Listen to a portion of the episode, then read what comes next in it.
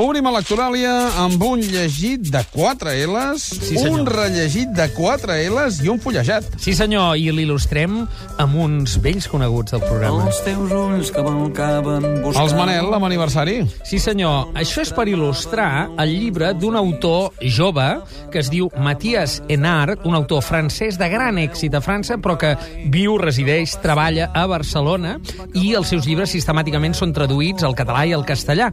Ara eh, és el moment de Parla'ls de batalles de reis i d'elefants. Això ha sortit a columna, amb traducció al català de la Mercè Ubach, i en castellà, traducció de l'escriptor Robert Joan Cantabella per Mondadori.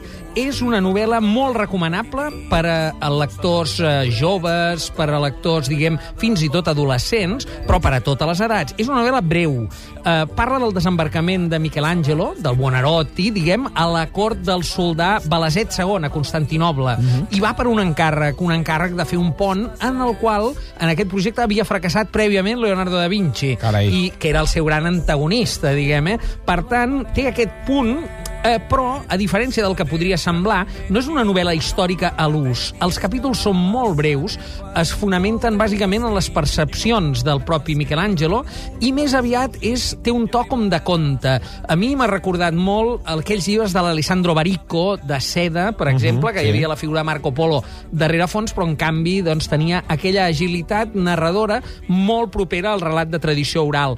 Matías Enart ja en una de les seves novel·les, Zona, concretament, va guanyar el Goncourt de joves. A, la, a, a França és un veritable fenomen de masses i és un autor que viu i treballa fa molts anys aquí a Barcelona. Era redactor de la revista Lateral. És una molt bona via per aproximar-se a la seva literatura. Parla'ls de batalles, de reis i d'elefants, a columna Mots clau, creació, el renaixement, darrere fons, evidentment, l'imperi otomà d'escenari i, com et deia, un referent literari, Alessandro Baricco. Wie einst Lili Marlene.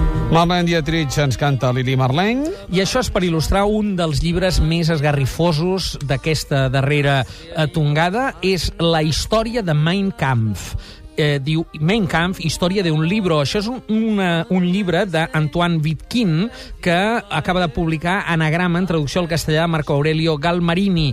És una anàlisi, una anàlisi molt àgil, molt documentat sobre la incidència de la Bíblia del nazisme. Com parlar, en època de Sant Jordi, bestsellerisme, de la influència d'un veritable bestseller de 14 milions d'exemplars que escriu Hitler dins d'una presó a Landsberg l'any 24 amb una màquina d'escriure i que després resulta que allà inclou tota la ràbia, tot l'ideari que mm, portarà tota Europa a la malvestat del nazisme. És un llibre, eh, diguem, molt interessant per valorar la influència de la ideologia perniciosa, però no a través de la imposició, sinó del convenciment. Perquè no oblidem que Hitler El van votar. el van votar, va fer una campanya electoral i aquest era el seu llibre que després, quan va estar al poder, mig l'amagava i censurava les traduccions que es feien al francès, per exemple, perquè no li veiessin massa les orelles. Interessant detall, només per deixar-te'l, tots els nuvis de l'època surten en la foto nupcial alemanya amb el Mein Kampf a la mà perquè allò era el costum. Imagina't la penetració social en tota la societat alemanya, un llibre interessant de llegir per veure que els llibres no sempre són beneficiosos. Mots clau, Nazisme, holocaust, Hitler, educació i fanatisme. smile.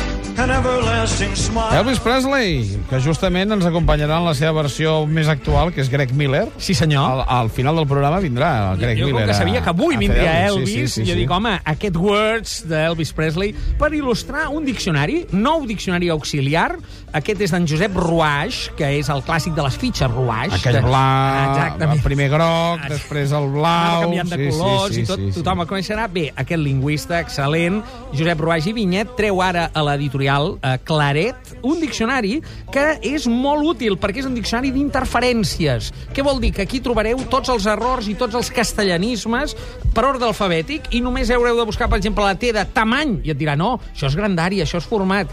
Eh, va molt bé per esvair dubtes. Diccionari, nou diccionari auxiliar de Josep Ruaix. Moltíssimes gràcies, Màrius. A reveure. Arribarem a les 11 i després Gertrudis, Chat Champions, problemes domèstics i aquest Greg Miller, l'Elvis, que omple teatres i que és Clavat. a l'original. Ja venim, les 11.